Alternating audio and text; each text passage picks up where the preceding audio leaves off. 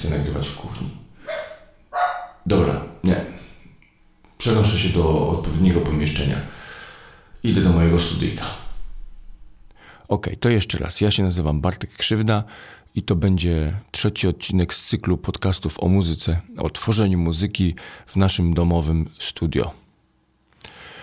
Dzisiaj opowiem o tym, jakie powinniśmy mieć odsłuchy, e, o programach do montażu i obróbki dźwięku oraz o wirtualnych wtyczkach i instrumentach.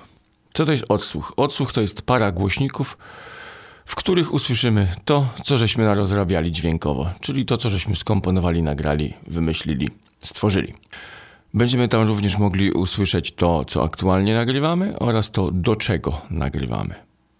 Dlaczego para głośników? Ponieważ wszystkie nagrania są wypuszczane w stereo, czyli są nagrywane w dwóch kanałach, w lewym i prawym. Głównym elementem takiego odsłuchu będą monitory studyjne bliskiego pola. Dlaczego koniecznie musimy kupić sobie monitory studyjne, a nie możemy wykorzystać głośników, których używamy na przykład do jakiejś wieży, którą mamy w domu i na tym pracować? Oczywiście możemy, ale są różnice pewne między mm, tymi dwoma rodzajami głośników. Monitory studyjne mają płaską charakterystykę brzmieniową, czyli yy, nie mają podbitego żadnego pasma, żadnej częstotliwości, czyli nie koloryzują. Nie mają podbitych niskich częstotliwości, czyli basów. Nie mają podbitego środka i nie mają podbitej góry, czyli wysokich częstotliwości grają płasko. Niektórym się wydaje, że grają brzydko, ale one po prostu grają prawdziwe, więc na tych głośnikach usłyszymy tak naprawdę, jak brzmi to, co żeśmy zmajstrowali. Natomiast głośniki domowe yy, koloryzują dźwięk, podbijają niektóre częstotliwości, zazwyczaj doły i góry, bo środek wydaje się przeciętnemu słuchaczowi nieatrakcyjny. Dzięki temu podbiciu nagranie wydaje się soczyste. Wobec tego na takich głośnikach nieobiektywnie usłyszymy y, nasze dźwięki.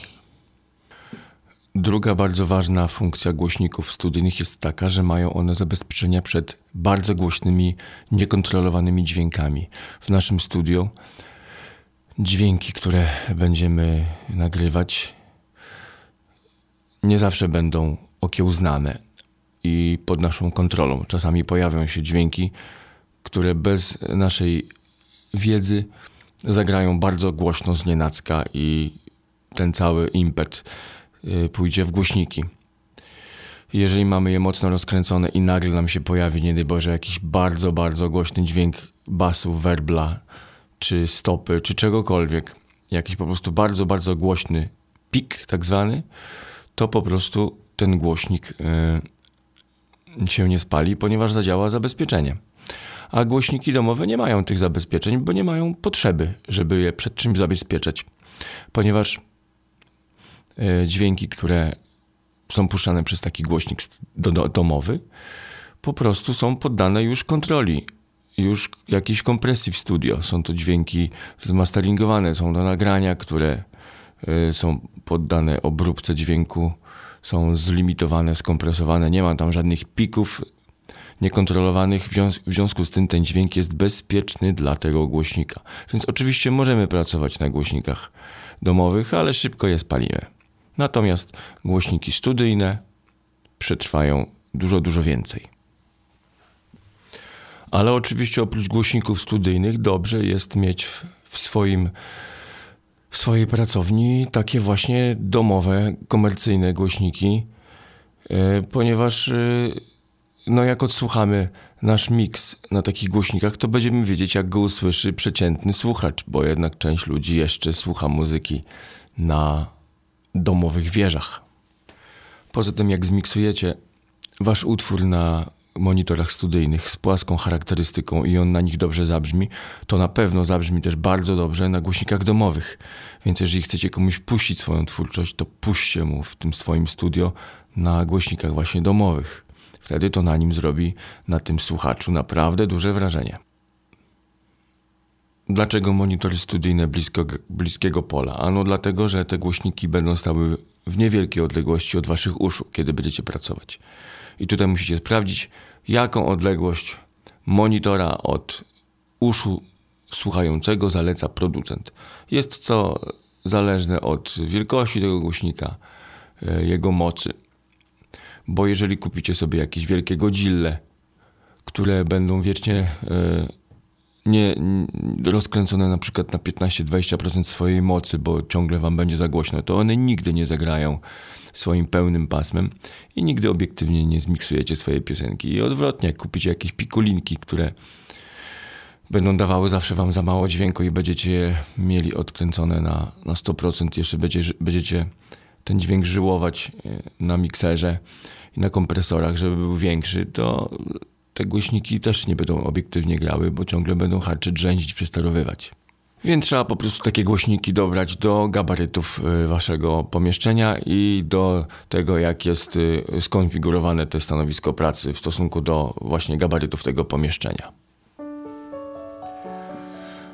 Poza tym wybierzcie takie głośniki, które będą po prostu dla Was ładne, które będą się Wam podobać, bo będziecie na nie patrzeć przez kilka albo kilkanaście godzin, przez ładnych kilka miesięcy albo lat. Więc jeżeli wybierzecie jakieś okropieństwo, na które nie można patrzeć, które nie inspiruje i jest to brzydki widok, no to też muzyka nie będzie piękna. Tak mi się wydaje, przynajmniej tak wynika z mojego doświadczenia. A jeżeli głośniki będą ładne, estetyczne, będą Wam się podobały i wprowadzać będą Was w fajny nastrój, to i odbije się to pozytywnie na Waszej muzyce. Czy potrzebny jest subbas, subwoofer do takich monitorów? Wydaje mi się, że nie. Z mojego doświadczenia wynika, że nie jest on zupełnie potrzebny, ponieważ te monitory studyjne, studyjne grają pełnym pasmem i mają tyle basu, ile akurat potrzeba. Więc jeżeli zaangażujecie do nich subwoofer, to on będzie podbijał te niskie częstotliwości i ten miks na pewno nie będzie już tak obiektywny. Ale oczywiście taki subwoofer warto mieć, żeby sobie go czasem odpalić, żeby zrobić wrażenie na kimś, kto przyjdzie posłuchać waszej muzyki. Głośnik pasywny czy aktywny? Aktywny głośnik to jest taki, który ma w jednej skrzynce i głośnik i wzmacniacz, który go napędza. Jest to o tyle wygodne, że nie trzeba podłączać dodatkowych kabli. Poza tym wzmacniacz i głośnik są fabrycznie odpowiednio dobrane, skonfigurowane pod względem mocy, oporności itd. Tak Natomiast głośnik pasywny to jest taki, który wzmacniacza nie ma i który trzeba ten wzmacniacz do tych głośników podłączać z zewnątrz. Właśnie domowe wieże są tak zrobione, że głośnik jest pasywny i jest podłączany do e, amplitunera, tunera, czy po prostu no, zwykłego radia ze wzmacniaczem. Monitory studyjne bliskiego pola są zazwyczaj głośnikami aktywnymi. I te nasze aktywne monitory bliskiego pola przy pomocy kabli jackowych podłączamy bezpośrednio do interfejsu. Interfejs ma z tyłu wyjścia, czyli outputy i do tych outputów wpinamy jackami połączenie do naszych głośników i już to powinno zagrać. Bardzo fajnie jest y, kupić sobie dwie pary monitorów. E, dwie pary zupełnie różnie grających monitorów, żeby mieć możliwość porównywania naszego e, miksu na dwóch różnych odsłuchach. Na dwóch różnych odsłuchach. Dodatkowo jeszcze jak mamy e, trzeci odsłuch w postaci głośników zwierzy, no to wtedy mamy różnorodny obraz naszego nagrania. Jeżeli nasz interfejs ma cztery wyjścia audio z tyłu, cztery outputy, to wtedy możemy jednocześnie podłączyć te dwie pary głośników właśnie do tych outputów. Główny wasz odsłuch, yy, główna para monitorów powinna być na wysokości waszych uszu. Czyli od razu trzeba pomyśleć o jakichś statywach z regulowaną wysokością albo zbudować jakąś konstrukcję meblową. Pamiętajmy też, żeby nie zakłócać yy, możliwości rozchodzenia się tej fali dźwiękowej, czyli nie wkładamy głośnika do jakiejś szafy, do jakiegoś regału. Między tymi głośnikami najlepiej, gdyby też y, była otwarta przestrzeń, żeby ten dźwięk się mógł swobodnie rozchodzić, żeby nic go nie zakłócało, bo to też zakłóci obiektywność tego odsłuchu. Będziemy potrzebować też słuchawek. Po co słuchawki? Słuchawki to jest dodatkowa para monitorów, czyli jakiś alternatywny odsłuch. Bardzo dużo ludzi słucha muzyki na słuchawkach, na różnych słuchawkach, więc dobrze by było chociaż raz y, przesłuchać nasz miks, jak on brzmi na tych słuchawkach. Nie miksujmy na słuchawkach, broń Boże, ostatecznej wersji, ponieważ y, na słuchawkach jest zupełnie inny obraz stereo niż z głośników zewnętrznych. Jeżeli miksujemy na głośnikach zewnętrznych, no to prawym uchem jednak słyszymy to, co gra lewy głośnik i odwrotnie. Natomiast w słuchawkach już tego nie ma. Lewe ucho słyszy tylko to, co gra lewy kanał, lewy głośnik. Poza tym słuchawki bardzo się przydają do, przydają do tego, żeby wnikni, wnikliwie e, posłuchać, co jest w danej ścieżce.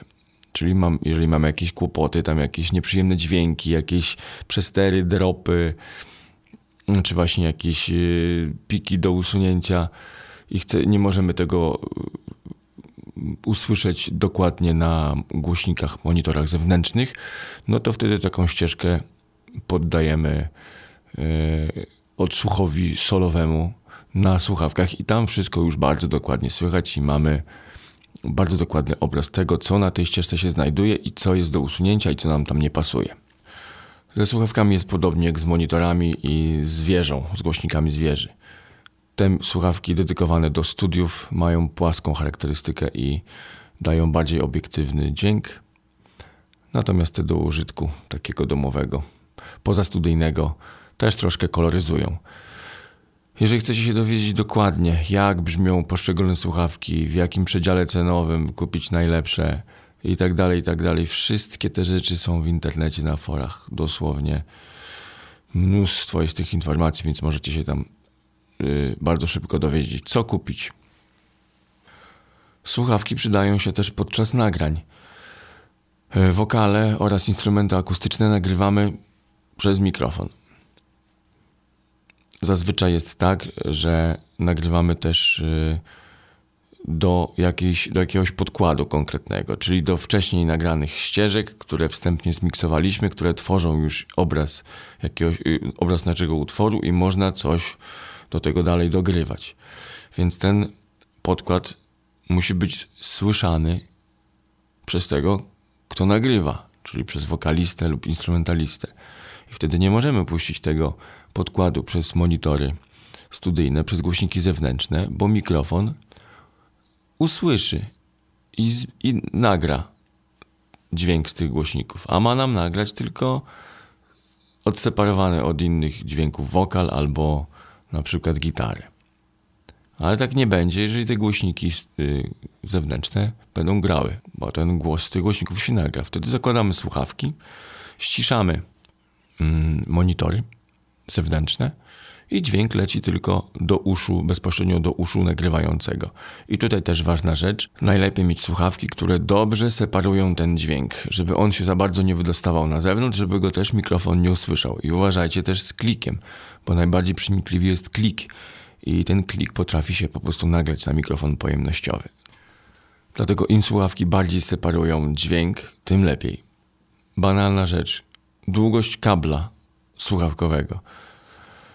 Ten kabel wpinamy oczywiście do interfejsu, który ma odpowiednie wyjście słuchawkowe. jeżeli stanowisko mikrofonu jest w dużej odległości od interfejsu, no to za krótki kabel może Was doprowadzić do szału, bo będzie Wam się po prostu walał przed oczami, będzie ciągle naprężony, więc musi być taki długi, żeby było komfortowo. Poza tym no, wokalista lubi sobie po prostu z tym kablem gdzieś pójść, bo zapomni, że ma słuchawki na uszach i zwyczajnie po prostu odchodzi z nim i urywa ten kabel, więc długi kabel. No i przechodzimy w końcu do serca naszego studia, czyli programu do obróbki dźwięku, do obróbki montażu dźwięku, czyli programu DAW. Będzie, będę mówić DAW ponieważ jest to skrót od Digital Audio Workstation. Więc program DAW to jest taki program, który będzie wasze dźwięki nagrywał na ścieżki, będzie je mm, przy pomocy tego, tego programu będzie można te ścieżki łączyć, yy, będzie można edytować, yy, zmieniać, wydłużać, skracać, przyspieszać, zwalniać, yy, kopiować wszystko robić, co jest potrzebne do tego, żeby produkować, tworzyć nagranie. Kiedy te ścieżki już się ładnie ze sobą połączą, będzie można ustawić proporcje między tymi ścieżkami, zapinać na nich y, efekty, które chcecie. Będzie można to później zmiksować, zmasterować, czyli nadać temu y, dźwiękowi, temu nagraniu ostateczny kształt, głośność, charakter, kolor. Później w końcu będzie można te dźwięki, ten, te nagranie wypalić w postaci pliku MP3 lub WAV i pokazać światu. Ten wasz program musi współpracować z interfejsem. E, program będzie widział wszystkie interfejsy, które są podłączone do komputera, jak również karty zintegrowane, które są wewnątrz komputera. I w odpowiednich ustawieniach tego programu DAW trzeba zaznaczyć, żeby współpracował konkretnie z tym interfejsem, z tą kartą dźwiękową, z którą chcecie, żeby współpracował. Kiedy on już tą kartę, że tak powiem, zobaczy i, się z nią połączy i będzie z nią współpracował, wówczas będzie można przez interfejs e, nagrywać, czyli wprowadzać dźwięki do tego programu i wyprowadzać na zewnątrz na głośniki. I już mamy podstawowy zestaw do tego, żeby tworzyć muzykę, czyli interfejs, program do obróbki dźwięku, do montażu dźwięku, czyli program DAW oraz e, odsłuchy. Wszystkie te programy DAW działają na podobnej zasadzie. Muzykę tam nagrywa się na ścieżki, albo inaczej mówiąc na traki, albo na ślady. Jak zwał, tak zwał. Na każdej oddzielnej ścieżce jest nagrany oddzielny instrument albo wokal. Dzięki temu na każdą oddzielną ścieżkę możemy wpływać, możemy w nią ingerować, możemy ją edytować, możemy na każdą oddzielną ścieżkę zapiąć jakiś oddzielny efekt, oddzielne narzędzie do obróbki dźwięku. Możemy też wpływać na proporcje między tymi ścieżkami, czyli na proporcje między instrumentami oraz wpływać na relacje między nimi. Ważną funkcją, jaką ma DAW, to obsługa wtyczek VST i instrumentów VSTI. VST to skrót od Virtual Studio Technology. Wtyczki VST to są po prostu narzędzia do obróbki dźwięku. Limitery, kompresory, bramki, tunery, rewerby, pogłosy, delaye i tak dalej, i tak delay, i tak delay. Instrumenty VSTI to wtyczki udające jakiś instrument akustyczny albo po prostu syntezatory. Większość dawów jest wyposażona we wtyczki instrumenty, ale jeżeli brakuje Wam na pokładzie Waszego dawa czegoś specyficznego, to możecie sobie taką wtyczkę, taki, taką wtyczkę lub instrument zaimplementować z zewnątrz. I na przykład, jeżeli Wam naprawdę brakuje, to możecie sobie e, obsłużyć za pomocą Waszego dawu wtyczkę, która udaje na przykład opój.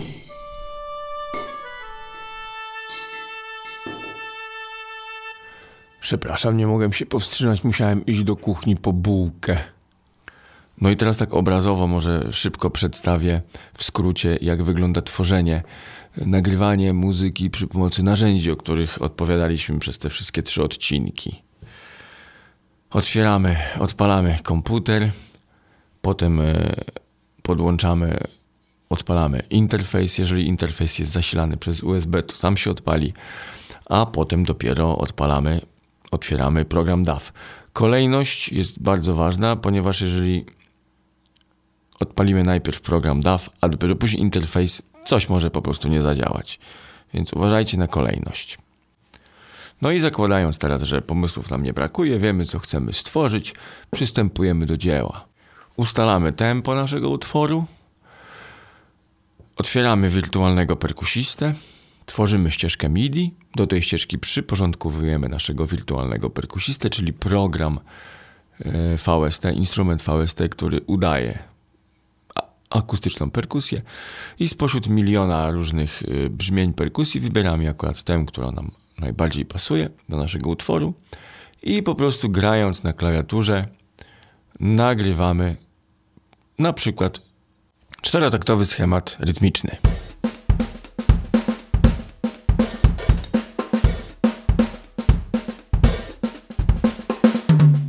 Zatrzymujemy nagrywanie, odsłuchujemy, jeżeli jest nierówno, kwantyzujemy i mamy już warstwę rytmiczną. Teraz, żeby sekcja rytmiczna grała jak należy, potrzebujemy jakiejś linii basowej. Tworzymy tym razem ścieżkę audio, podłączamy do interfejsu mikrofon pojemnościowy, ściszamy zewnętrzne monitory, bierzemy stojącą w rogu każdego domowego studia tubę, Podchodzimy z nią do mikrofonu pojemnościowego, nakładamy słuchawki, przez te słuchawki puszczamy sobie wcześniej nagraną perkusję i gramy, li, nagrywamy linię basową na naszej tubie.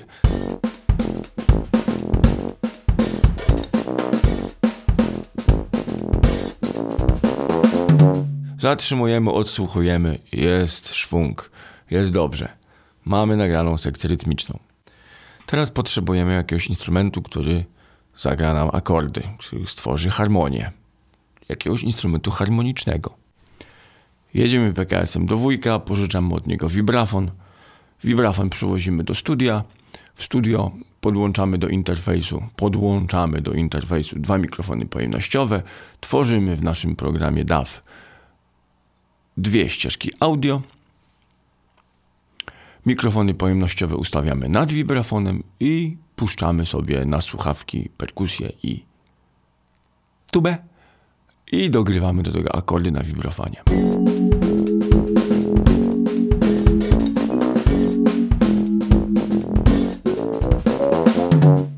Zatrzymujemy, odsłuchujemy, skwantyzować nie możemy, bo to jest ścieżka audio. audio. Pasuje, wszystko elegancko, jedziemy dalej. Czegoś nam brakuje. Nasze nagranie brzmi trochę staroświecko. Może by wprowadzić tu jakiś elektroniczny element. Więc otwieramy e, na przykład e, jakiś instrument wirtualny, który ma na swoim pokładzie lupy perkusyjne albo jakieś inne, pętle Tworzymy ścieżkę MIDI kolejną, przyporządkowujemy ten instrument z lupami do tej ścieżki MIDI i szukamy jakiegoś odpowiedniego lupa, który będzie pasował do tuby, vibrafonu i perkusji. Znaleźliśmy. Puszczamy razem, ustawiamy mniej więcej proporcje, żeby nic się nie wybijało, a żeby instrumenty yy, ładnie ze sobą się łączyły. Pasuje nam to. Koniec.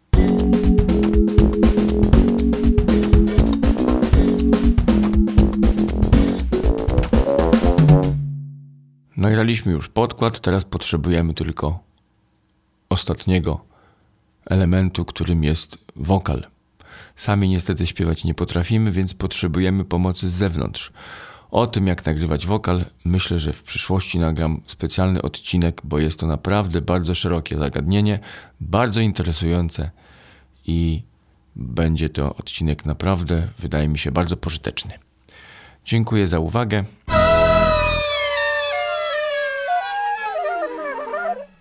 Do usłyszenia.